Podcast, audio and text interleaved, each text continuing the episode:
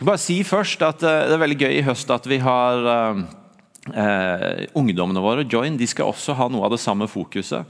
Og De har kalt sin serie 'Bodybuilders'. og Da skylder jeg bare å si at det er ikke de som har rappa vår idé og gjort den litt kulere, men det er vi som har rappa de sin idé og gjort den litt uh, tryggere.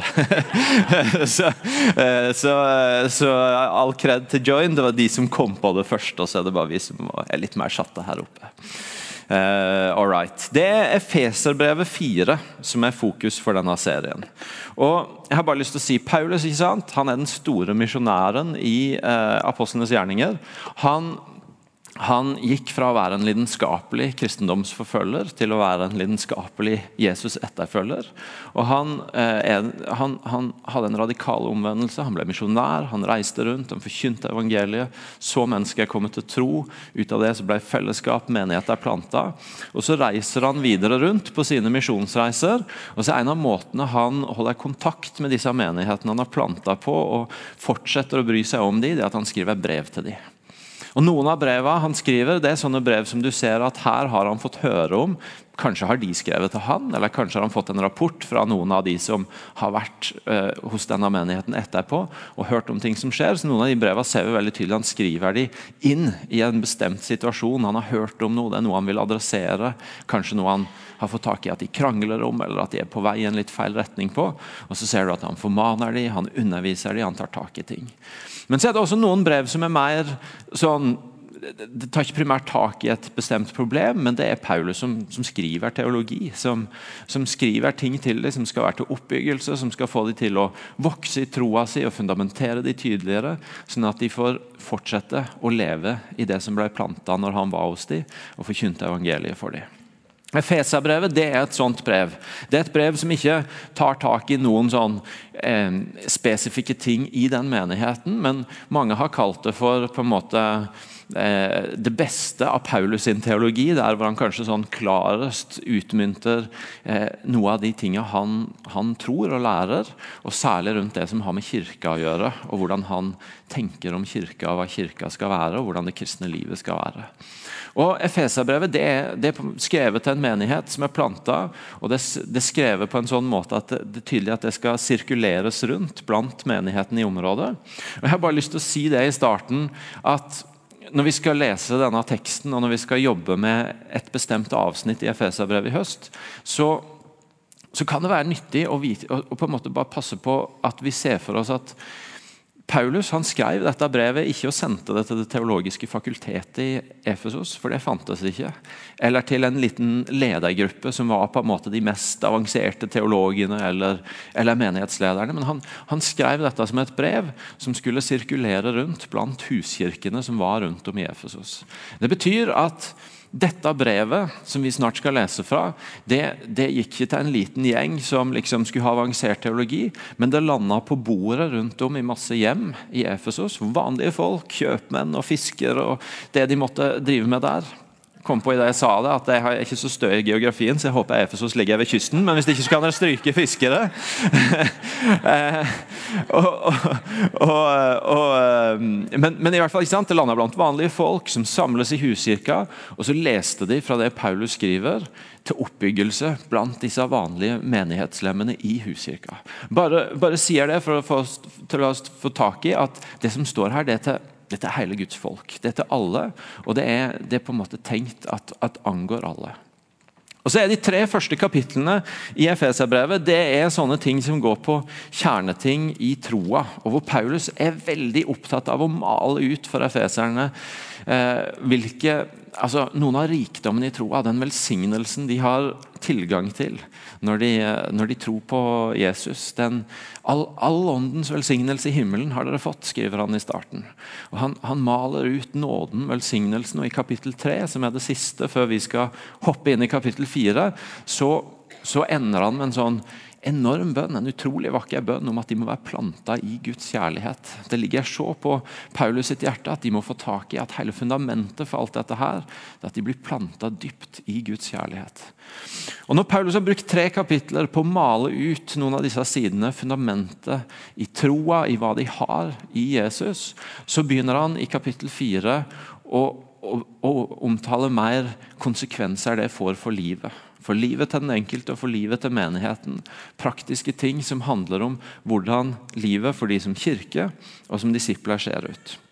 Og Vi skal lese i dag eh, og bare få tak i helheten. Det er ett avsnitt i kapittel 4 som er veldig mye av fundamentet for det vi skal gjøre denne høsten.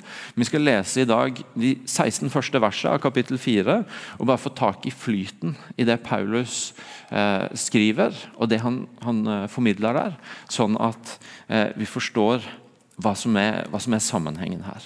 Vi leser først de seks første versene i kapittel 4. Så formaner jeg dere jeg som er fange for Herrens skyld, at dere lever et liv som er verdig det kallet dere har fått. I mildhet, ydmykhet og storsinn, så dere bærer over med hverandre i kjærlighet. Sett alt inn på å bevare åndens enhet i den fred som binder sammen. En kropp, en ånd, slik dere fikk ett håp da dere blei kalt. En Herre, en tro, en dåp, en Gud og alles Far, Han som er over alle og gjennom alle og i alle. Det første Paulus legger innover dem, det er det som har med enhet å gjøre. At de må jage etter og bevare enheten, dette at de hører sammen. Han har allerede sett, for det begynner vi ser det i Det nye testamentet, at det begynner egentlig med én gang så begynner enheten, det å holde sammen, det å unngå splittelse blant de kristne, blant kirkene, eh, internt i fellesskapet, det, det, er en utfordring. De begynner å diskutere ting, de, de blir uenige om ting, de, de brynes på ting. Og, og, og, vi skjønner at Jesus antagelig hadde litt framsyn når han ber så intenst i Johannes 17. La de være ett, far. La de være ett. Jeg tror Jesus skjønte hvor stor utfordring det ville bli for de, og for oss. For dessverre så er det en sirkel som har vart gjennom hele kirkas historie. At det er en kamp, det er en utfordring i det å når vi tror på det samme, også ha en enhet. Der står det ikke, og Det er et poeng som er gjort mange ganger. ikke sant? Der står ikke enighet i alt, men enhet. Det å holde sammen, det å ikke splittes, det å ikke, eh, det å ikke gå fra hverandre. Og Paulus han, når han skal på en måte legge det innover dem, at det er så viktig Jesus ba ikke sant, at, at hvis hans etterfølgere klarer å være ett, så skal verden tro.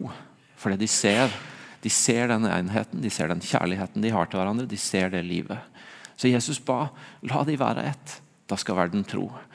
Og så Paulus, når han legger innover dem, dere må holde fast på denne enheten, dere må holde sammen, så holder han på den ene sida fram noe som har med hjerteposisjon overfor hverandre å gjøre. Han snakker om ting som eh, mildhet, ydmykhet og storsinn, så dere bærer over med hverandre i kjærlighet. Det har noe med hvordan vi plasserer oss overfor hverandre. Mildhet, ydmykhet, storsinn. Og På den andre sida så holder han fram noen sånne nøkkelpunkter i troa. Noen sånne enkle ting som dette må vi være ett i. Dette må vi holde sammen om. Én kropp, én ånd. Én Herre, én tro, én dåp, én Gud og alles far. Så Paulus han peker på den ene sida på Pass på hjertene deres, på overbærenheten, på storsinnet, som gjør at om dere ikke er enige om alt, så kan dere holde sammen. Og på den andre sida, hold, hold, fast i noen sånne enkle nøkkelting i, i, læren i det dere tror på. som om, om, dere er uenige om en del andre ting, så la dette stå fast. Dette, dette er noen sånne fundamentting som kan binde dere sammen. Og Så begynner altså Paulus, når han skal snakke om det livet de har, og begynner med å snakke om hold sammen. La det være enhet. Hold sammen. Og Så fortsetter han i vers 7. Så skriver han til hver enkelt av oss er nåden gitt, alt ettersom Kristi gave blir tilmålt.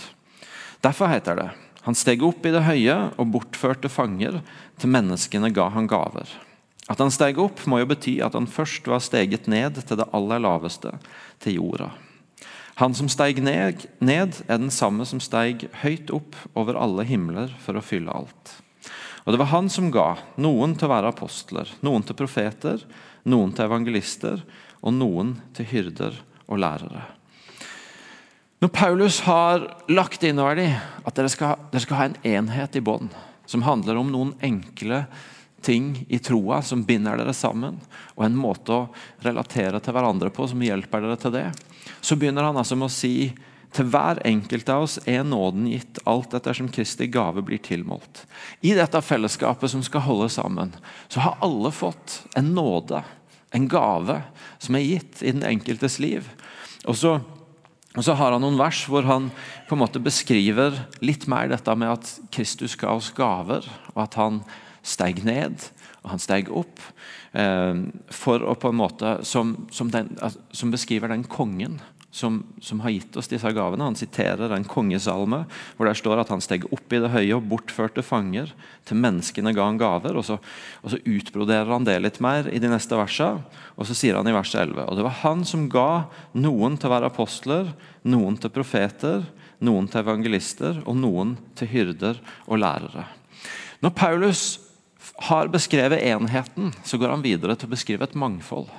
Han går fra å si 'hold sammen' til å si når den enheten er etablert, så må dere også være bevisst på at Jesus han har lagt ned en nåde i hver enkelt av dere. han.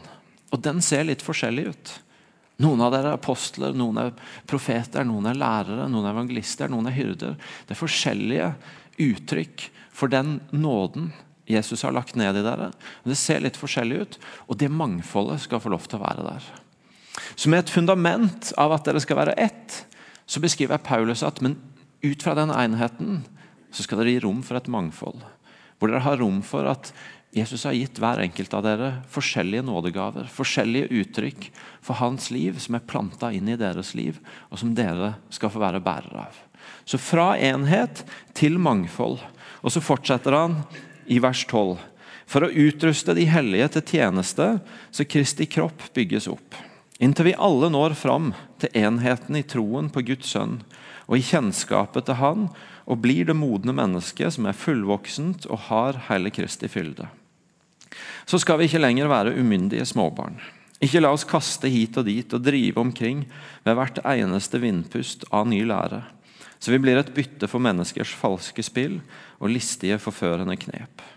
Men vi skal være tro mot sannheten i kjærlighet, og i ett og alt vokse opp til Han som er hodet, Kristus. Ut fra Han blir hele kroppen sammenføyd og holdt sammen av hvert bånd og ledd, alt etter den oppgave hver enkelt av dere har fått tilmålt. Så kroppen vokser og bygges opp i kjærlighet.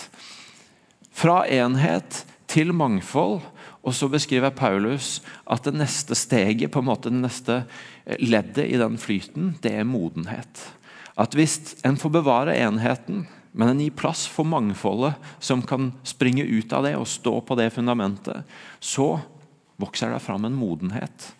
Og, uttrykket, og, det, og det handler om på den ene sida at summen av disse gavene, summen av disse nådegavene som blir gitt til hver enkelt, det er Jesus. Jesus er apostel, Jesus er profet, Jesus er evangelist, Jesus er lærer, Jesus er hyrde.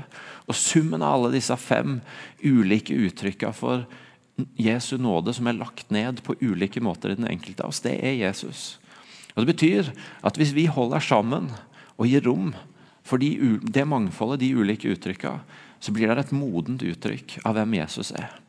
Og Så sier han på den ene sida at det betyr at det er noe verden rundt oss kan, kan få se. Verden rundt oss kan få se et modent uttrykk av hvem Jesus er, i det fellesskapet, i det mangfoldet som holder sammen. Og Han sier også noe om at det hjelper oss til å holde fast, til å ikke la oss drive hit og dit og kastes omkring når det kommer folk som vil forføre oss, som vil lure oss, som vil ta oss i gærne retninger. Så det er, en, det er en flyt, og det er det jeg bare prøver å brodere ut for dere ved starten. Det er en flyt i det Paulus skriver, fra et fokus på enhet, som blir et fundament for en plass til mangfold. Og hvis en klarer det, så kommer en fram til en modenhet som er et fokus mange steder i brevet til Paulus. At, at, det er et mål om at vi skal vokse opp og være modne uttrykk for Jesus etterfølgere, som kan bety en forskjell i denne verden. Og Det er dette mangfoldet som klarer å holde sammen, og som blir et modent uttrykk for Jesus. Det er det mangfoldet fra vers 7 til 11 vi skal, vi skal bruke masse tid på denne høsten. her. Etter at jeg har gitt litt intro i dag, så skal vi de neste ti søndagene bruke to søndager på hver av de fem som blir beskrevet i, i, um, i uh, de versene. Apostel, profet, evangelist, lærer og hyrde. Og så skal vi forsøke å hjelpe hverandre til å gjenkjenne noe av hvordan ser den nåden ut i mitt liv. Og hvordan kan jeg forvalte den på en måte som gir meg større frimodighet, og som får større betydning for de rundt meg. Og Da har jeg lyst til i resten av det jeg skal si i dag, å bare gi tre perspektiver på hvorfor vi tror dette er så viktig at vi skal bruke ti søndager framover på å male ut noe som og La meg bare si det, bare for å avvæpne det. det. Jeg tror at etter hvert som vi går inn i dette og gir eksempler på det og maler det ut, så tror jeg vi skal klare å få det ganske tilgjengelig og konkret. Men det er klart at sånn, som utgangspunkt så kan det høres ut som litt sånn kristennerding på høyt nivå. Og skulle bruke ti søndager på at nå skal vi virkelig grave oss inn i fem sånne litt rare ord som står i ett brev langt bak i Bibelen som Paulus har skrevet. altså Apostel, profet, lærer, evangelist, hyrde. Grave to søndager i hver. Det høres jo liksom, ja, det høres ut som kristenerding på høyt nivå. Eh, eh, vi skal prøve å ikke gjøre det til det. Vi skal prøve å gjøre det veldig konkret og praktisk. Og så skal jeg prøve å gi noen grunner nå for hvorfor vi tror det er så viktig at det er verdt å gjøre det. Og Det første det handler om frimodighet. Fordi Paulus skriver til hver enkelt av oss er nåden gitt alt ettersom Kristi gave blir tilmålt. Til hver enkelt av oss er nåden gitt. Paulus skrev det for lenge siden, men han skrev det som et brev som skulle gjelde for alle. Det betyr at det gjelder for oss også. Til alle i dette rommet, til hver enkelt av oss i dette rommet, er nåden gitt. Det betyr at det Paulus skriver om her, det angår ikke noen spesielt interesserte. Det angår ikke noen for lenge siden, men det angår alle i dette rommet.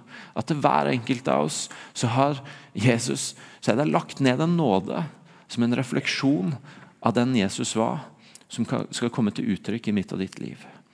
Og Det vil se litt forskjellig ut, fordi at til hver enkelt av oss er nåden gitt. Og den har et mangfold ved seg, men den er gitt til hver enkelt. Det er ingen i dette rommet som ikke har fått noe av den. Og Det betyr at en grunnleggende ting ved hvorfor dette er viktig å snakke om, det er at det handler om at jeg og du skal få en frimodighet til å tjene ut fra den nåden som er lagt ned i våre liv. Og til å leve ut fra den, og til å bruke den og til å, å være frimodig på den. Ikke bare innomhus i kirka, men også vi ba for lærerne i stad. At de skal få bruke det på sin arbeidsplass. og Her er forretningsfolk, her er sykepleiere, her er, her er mange forskjellige ting. Her er studenter, her er mødre og fedre og naboer og venner og forskjellige ting som vi fyller dagene våre med. Og at inni det at vi skal få en større frimodighet på at dette er noe av den nåden som er lagt ned i mitt liv og som jeg skal få bruke i de situasjonene, i de ansvarsområdene, i de tingene jeg blir satt i. Og på den måten få tjene enda mer frimodig. Kanskje lurer du litt på ja, men Står det ikke om forskjellige typer nådegaver i Bibelen? og hva, Hvorfor akkurat dette stedet, og hvorfor er dette så spesielt? Jo, Der står i I 1. Korinterbrev 12 så står det en liste over nådegaver. Og, nå, uh, og Der brukes det greske ordet 'fanerosis', som betyr manifestasjon. Og Det beskrives om i en setting som handler veldig mye om hva som skjer når menigheten kommer sammen. Så I 1. Korinterbrev 12 så er det en beskrivelse av gaver som Den hellige ånd gir til den enkelte av oss i forbindelse med at menigheten kommer sammen. I Romerne 12 så står det også om noen nådegaver. og Der brukes det greske ordet 'praksis', som kan oversettes med praksis eller med aksjon eller med handling, som, som, har noe av dette praktiske ved seg, ved hvordan noe av det Gud gir til den enkelte av oss, uttrykkes i sånne praktiske, konkrete ting vi gjør.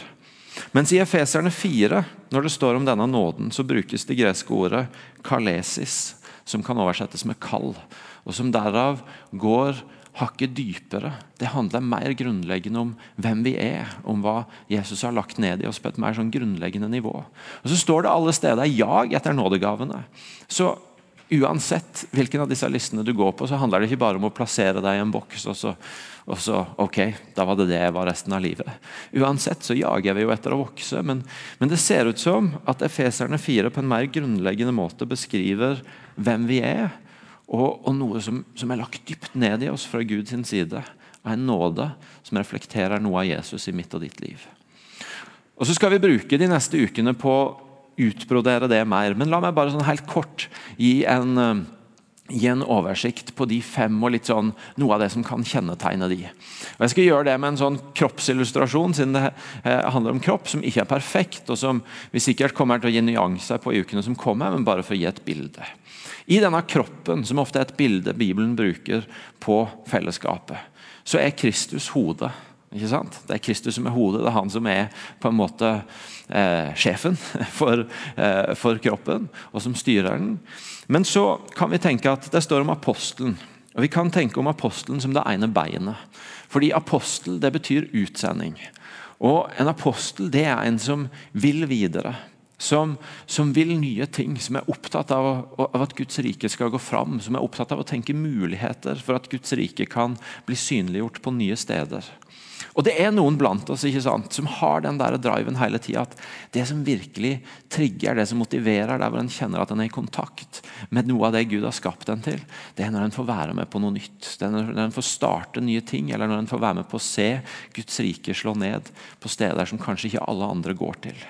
Denne her driven på Det handler ikke alltid om å starte nye ting, men det handler om denne driven på å se Guds rike gå videre. På å se Guds rike gå fram, på å se Guds rike berøre nye mennesker og steder.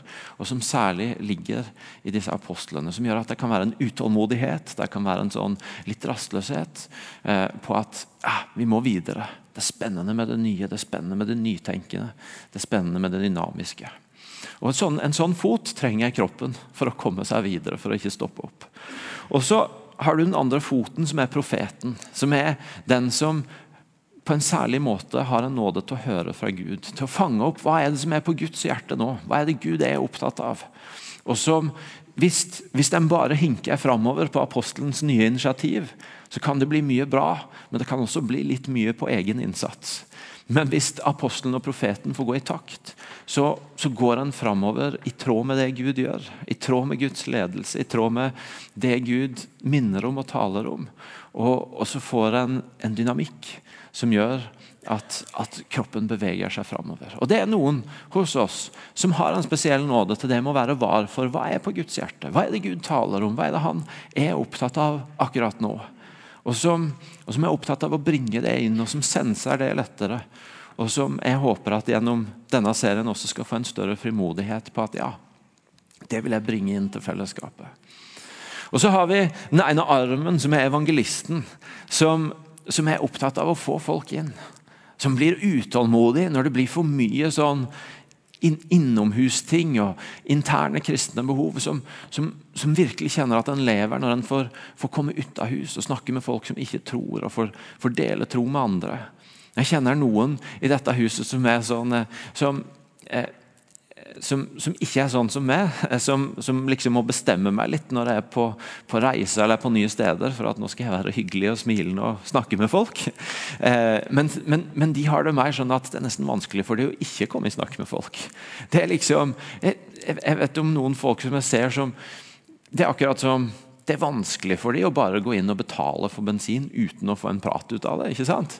Det er noe med den der, det ligger i at, at en, er, er opptatt av nye.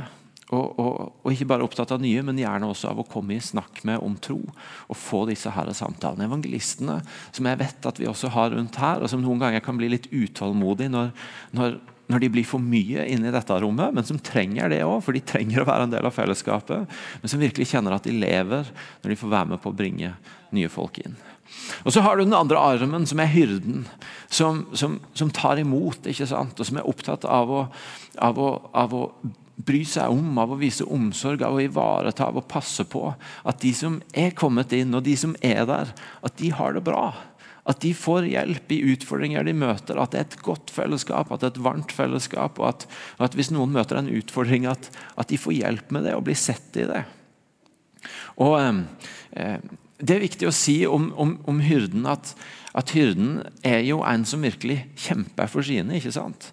Så Vi hadde en diskusjon på det når vi forberedte denne serien. så var det En som sa at han, han var litt lei av at hyrdene ble litt sånn beskrevet som sånne lusekofte, tøffelaktige, liksom bare skal bry, seg om å kose med og være veldig sånn, litt sånn hode under armen-aktig. Eh, hyrder er jo folk som virkelig kjemper for sine, ikke sant? og som er opptatt av at, av at eh, hvis noen står i noen vanskeligheter, eller hvis det er noe, så, Ja, men er på de sin side. Og jeg skal kjempe for at de kommer igjennom det. Så Du har evangelisten med den ene armen som tar inn, og så har du hyrden som tar imot, som bryr seg om, som kjemper for, som, som bryr seg om. Og De fins i dette fellesskapet. og Det fins eh, noen vi vet om, og jeg er helt sikker på at det fins en god del vi ikke vet om. Og som vi drømmer om å se tas tydeligere steg fram. Og så er det læreren, da, magen, som, eh, som er opptatt av at det som skjer iblant oss, er sunt. At, at det i lengda er, er, er, sunnhet i det. At det som formidles, at det vi gjør sammen, at det vi tar ut av ordet, at det er en sunnhet i det som gjør at det er levedyktig i lengda. At, at, det ikke bare blir sånne kortsiktige resultater og vekst som ser bra ut der og da, men som, men som i lengda ikke smaker så godt eller får masse uttrykk. Men at, at, i sum så er det en sunnhet i det som gjør at det kan leve og fortsette å vokse. Og det er min tro, og det er vår tro, at alle i dette rommet har uttrykk av Guds nåde gjennom en av disse fem. Og så er det ikke bare for å ha sagt det med en gang, det skal vi jo snakke om, det er ikke sånn at du er liksom en og så bare en. Antagelig så har du elementer av alle fem i det. Og, og, og alle har liksom et kall over livet vårt å bli Jesus lik, så det vi har mindre av, det må vi gjerne vokse i. Men, men antagelig så vil alle oss kunne gjenkjenne en sånn base av at en av disse, det er mer oss. Og så er Noe av ønsket vårt med denne serien at du skal få en frimodighet på det. Og at du skal bli mer kjent med hva betyr det Sånn at du kan ta nye steg i det, at du kan bli tryggere i det, og at du kan bruke det i mange av de situasjonene du er i. Martin sa når han talte for et par uker siden at denne drømmen om at menigheten skulle få være et sted hvor du blir det Gud har skapt deg til å være, at vi ikke er et miljø hvor Han brukte bildet, og, og, og, og hør det bildet for det det er meint å være, men han brukte det bildet at hvis, hvis Gud har skapt deg til å være verdensmester i noe, at du ikke slår deg til ro med å bli kretsmester i det. Poenget med det er ikke sant, at hvis Gud har lagt noe ned i livet ditt, at du ikke bare sier deg fornøyd med at ja, det ble litt sånn uttrykk av det, når, når, når, egentlig dette skulle være et miljø som, som lot oss vokse i det Gud har lagt ned i det. Hente det ut, bli frimodig på det, finne mer ut av det, sånn at det kan få betydning i menigheten, men også i samfunnet der ute, i de tinga vi står i. Og Derfor skal vi bruke tid på å beskrive, på å dykke ned i hva de betyr. Vi skal bruke tid i huskirkene på å snakke om det, og gjerne på å hjelpe hverandre. For det kan være litt krevende å si nei, jeg tror jeg Noen har det naturlig inne. Ja, det kjenner jeg meg igjen i. Og andre syns det der er litt vanskelig. Og liksom, ja, det tror jeg Gud har lagt ned i mitt liv. Og da kan vi hjelpe hverandre til det. Kalle det ut av hverandre. Tiltale det vi ser i hverandre, og på den måten hjelpe hverandre til en ny frimodighet på den Gud, nåden som Gud har lagt ned hos den enkelte av oss. Det tror jeg blir utrolig spennende. Det andre jeg har lyst til å si om dette, det er det som har med verdsettelse å gjøre. At Jeg håper at ved å snakke om dette i høst, så skal vi få eh, hjelp til å ha en høyere verdsettelse for det mangfoldet som er i fellesskapet, og for den nåden som Gud har lagt ned i andres liv, og som ser annerledes ut enn vår egen. Det er En god venn av meg som heter Leif Hetland, som mange av dere også kjenner, han sier at du kan bare ta imot det andre bærer, i den grad du har en verdsettelse for det. Jeg kan ha mennesker rundt meg som bærer på mye av Gud i seg, men hvis jeg, hvis jeg egentlig ikke har noe verdi for det, hvis jeg egentlig syns det er litt brysomt eller litt irriterende, eller ikke forstår det helt, så er også min mulighet til å bli velsigna av det, til å ta imot av det, til å lære av det, til å la det få, få berøre mitt liv, ganske mye mindre enn hvis jeg sier OK, det ser annerledes ut enn i mitt liv. Og det er jeg så glad for, for du bærer noe jeg ikke har. Og så kan jeg faktisk bli berika av det, så kan jeg lære av det, så kan jeg vokse av det. Det er noe med det med å, å, å, å verdsette som er utrolig viktig. Paulus han skriver um, i uh, 1. Korinterbrev 12, fra vers 17 til 23. Hvis hele kroppen var øye, hvor blei det da av hørselen? Hvis det hele var hørsel, hvor blei det da av luktesansen? Men nå har Gud gitt hver enkelt lem sin plass på kroppen slik han ville det. Hvis det hele var én kroppsdel, hvor blei det da av kroppen? Men nå er det mange kroppsdeler, men bare én kropp. Øyet kan ikke si til hånda 'jeg trenger deg ikke', eller hodet til føttene 'jeg har ikke bruk for det, dere'. Tvert imot. De delene av kroppen som synes å være svakest, nettopp de er nødvendige. De kroppsdelene som vi syns er mindre ære verdt, de gir vi desto større ære. Paulus maner ut dette med å verdsette at det er en bredde, det er et mangfold. Og Hvis det er noen av delene på kroppen som i utgangspunktet vi syns er vanskelig å gjøre, så utfordrer han på ja, da skal du være ekstra opptatt av å verdsette det, av å anerkjenne det, av å ære det. Fordi det er summen av dette her som blir uttrykket av Jesus. Og så har dette noe med modenhet å gjøre. ikke sant? Modenhet det handler bl.a.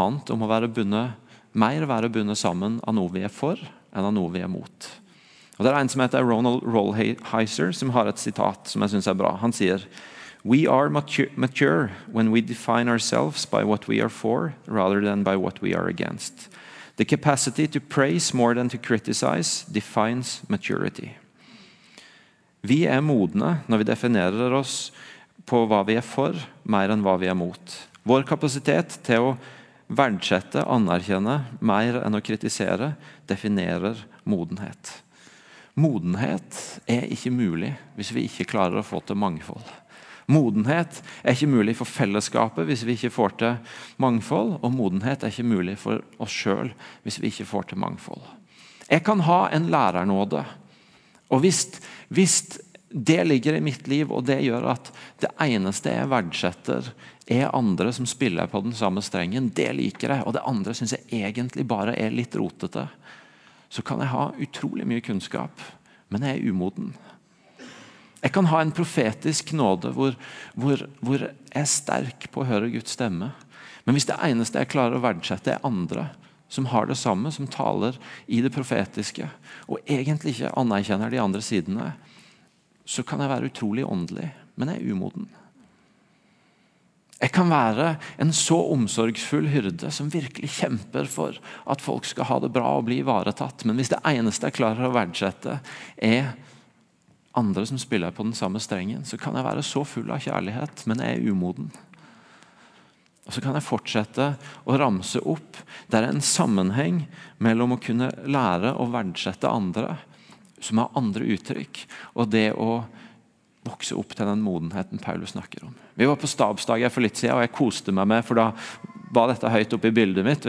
Elianne, som setter opp turene våre, hun tok oss ut på sånn paddleboard på heter det Ålgårdsvannet eller Gjesdalsvannet. I hvert fall vann utenfor bedehuset der. Eh, og Vi var ute der. og Hetlandsvannet heter det. ja. Ingen alle alternativene var feil. All right. Eh, og så, uh, og så eh, var det to, to unge, spreke karer der, Morten og Håkon, som var med. Og Morten han er jo en av eh, våre menn i Kambodsja. som liksom, Han tjener pengene sine på å være elektriker, og så bruker han tida, resten av tida si på å være med å gjøre misjon i Kambodsja utrolig kult. Han, han, han, får fri arbeidsgiveren sin både til å være her og til å reise ut og være med å utruste kirka i Kambodsja. Morten er en sånn som vil ut på fronten, som vil ut og reiser ut og utruster nye huskirkeledere til å plante nye menigheter. Og når vi kom opp på disse paddleboardsa, så var Morten, før de av oss som ikke hadde gjort dette før, og som eh, ikke er under 30 lenger, mens vi ennå bala med å komme oss opp og finne balansen, så hadde Morten allerede nesten kommet seg bort til Figgjoelva, og han, instruktøren var i fullt firsprang for å prøve å redde paddleboardet sitt, for han så for seg at nå var Morten snart langt nede i stryket. Så snudde Morten sjøl, da. Håkon, som var like flink som Morten på paddleboard, men som han, er jo, han jobber med ungdommene våre, med Join, og er en sånn fantastisk i å bry seg om og eh, skape miljø og, og, og, være nær disse ungdommene. Og jeg, jeg, kan ikke si, for det vet ikke jeg alltid om at Håkon liksom er hyrde i dette, her, men jeg tenker i hvert fall han har mye av det i seg. Han vet du, han var like, han var like flink på paddleboard som Morten, men han sto igjen der vi begynte han, og venta på at sistemann skulle komme seg opp på brettet og finne balansen. Og Det var bare så morsomt for meg å se den forskjellen. og så tenker jeg Noen av oss vil antagelig lene oss mer mot å instinktivt liksom tenke ja, kult, Morten. Rett bort liksom og utforske grensene. Og noen av oss vil tenke å, fantastisk, Håkon. Du ser folk rundt deg. Og så er poenget at vi må lære oss å verdsette begge deler. Vi må lære oss å verdsette bredden, og der hvor vi sjøl kanskje naturlig tenderer mot én side, så må vi klare å få en verdi for det andre. Og så er noe av greia at det er vanskelig å verdsette det som er annerledes, hvis vi ikke har fått etablert en trygghet på hva Jesus har lagt ned i vårt liv. Hva som er vår nåde. Fordi at Hvis det er litt sånn ullent og udefinerbart, og vi ikke har et forhold til det, så vil det antagelig heller foregå sånn at når vi kjenner igjen det han har lagt ned i oss i noen andre, så klapper vi. For da, da, er det gjenkjennelse. Da er det noe som ja, det liker jeg, det kan jeg kjenne igjen. Det spiller jeg på en streng i oss.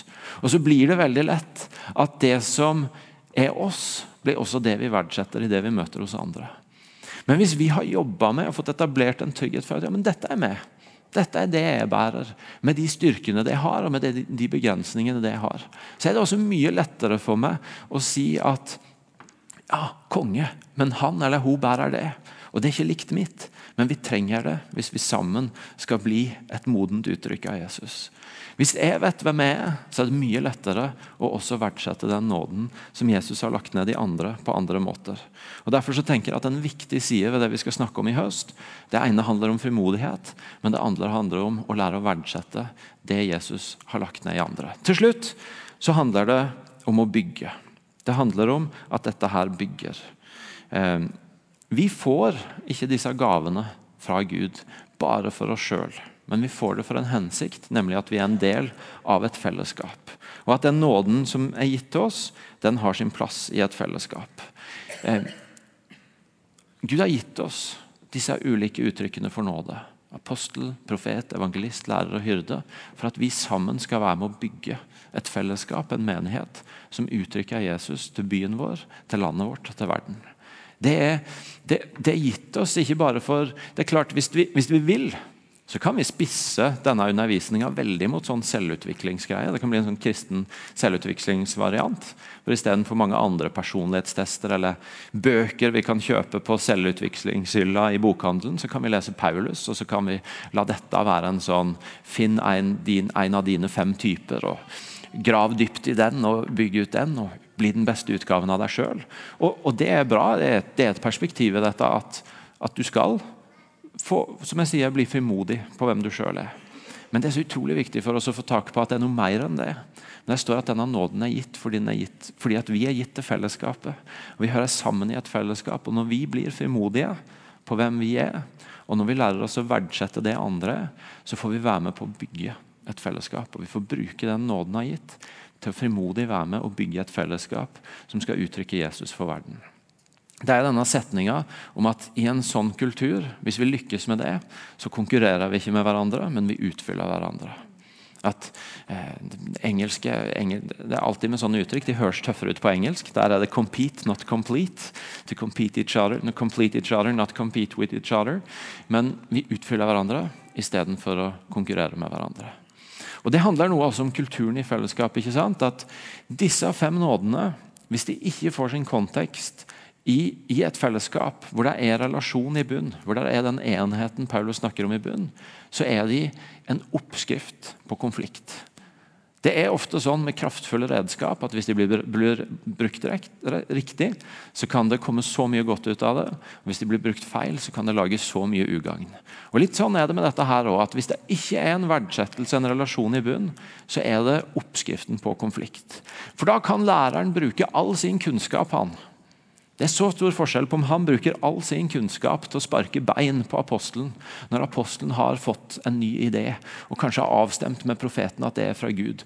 Og Så kan læreren i all sin kunnskap bare sitte der og plukke ned. ja, men 'Har du tenkt på det?' og 'Har du tenkt på det?' Og, ja, Det var vel litt unyansert, det der, for de fleste nye initiativ er litt unyansert og litt uferdige og er litt i forminga. Og Det er så stor forskjell på om læreren bruker det han ser til å sparke bein, eller om han bruker det og tenker oi, der skjer det noe nytt. Nå kan jeg bruke det jeg ser med, og den kunnskapen jeg har, til å hjelpe meg til, til, til å bli, det til å bli det sunne uttrykket som varer i lengda. Og Det er så stor forskjell, men sammen med hyrden ofte er, er hyrden og læreren litt sånn i, i, slekt med hverandre. I at de ser, der, der apostel, profet og evangelist ser hvor skal vi videre? Hva er det nye? Så ser hyrden og læreren hva som må til for at de nye stedene skal bli levelige steder. At det skal bli godt å være der i lengda. Og Det betyr at for hyrden òg er det en så stor forskjell på om han blir provosert av alt det apostelen ikke tenker på, hva, hvordan det påvirker andre mennesker når den begynner med sånne nye ting. Eller om han tenker å, nå trenger han meg. For hvis ikke jeg er med han, og hvis ikke jeg på en måte hjelper med folket her, så kommer jo dette her bare til å gå helt galt.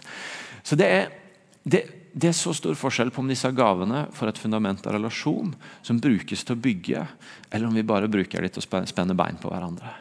Og Jeg håper at vi gjennom denne høsten, hvis vi får en større frimodighet på hvem vi sjøl er, kan få en større verdsettelse av hva de andre er, sammen kan være med på å bygge et enda mer modent uttrykk av Jesus for denne byen og for dette landet. Skal vi reise oss opp og be sammen?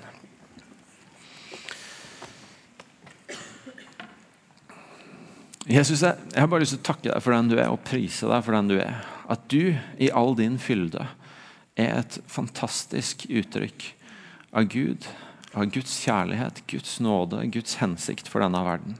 Og så er det vår bønn at vi skulle få vokse i og enda mer få være et speilbilde av det i denne byen og i dette landet.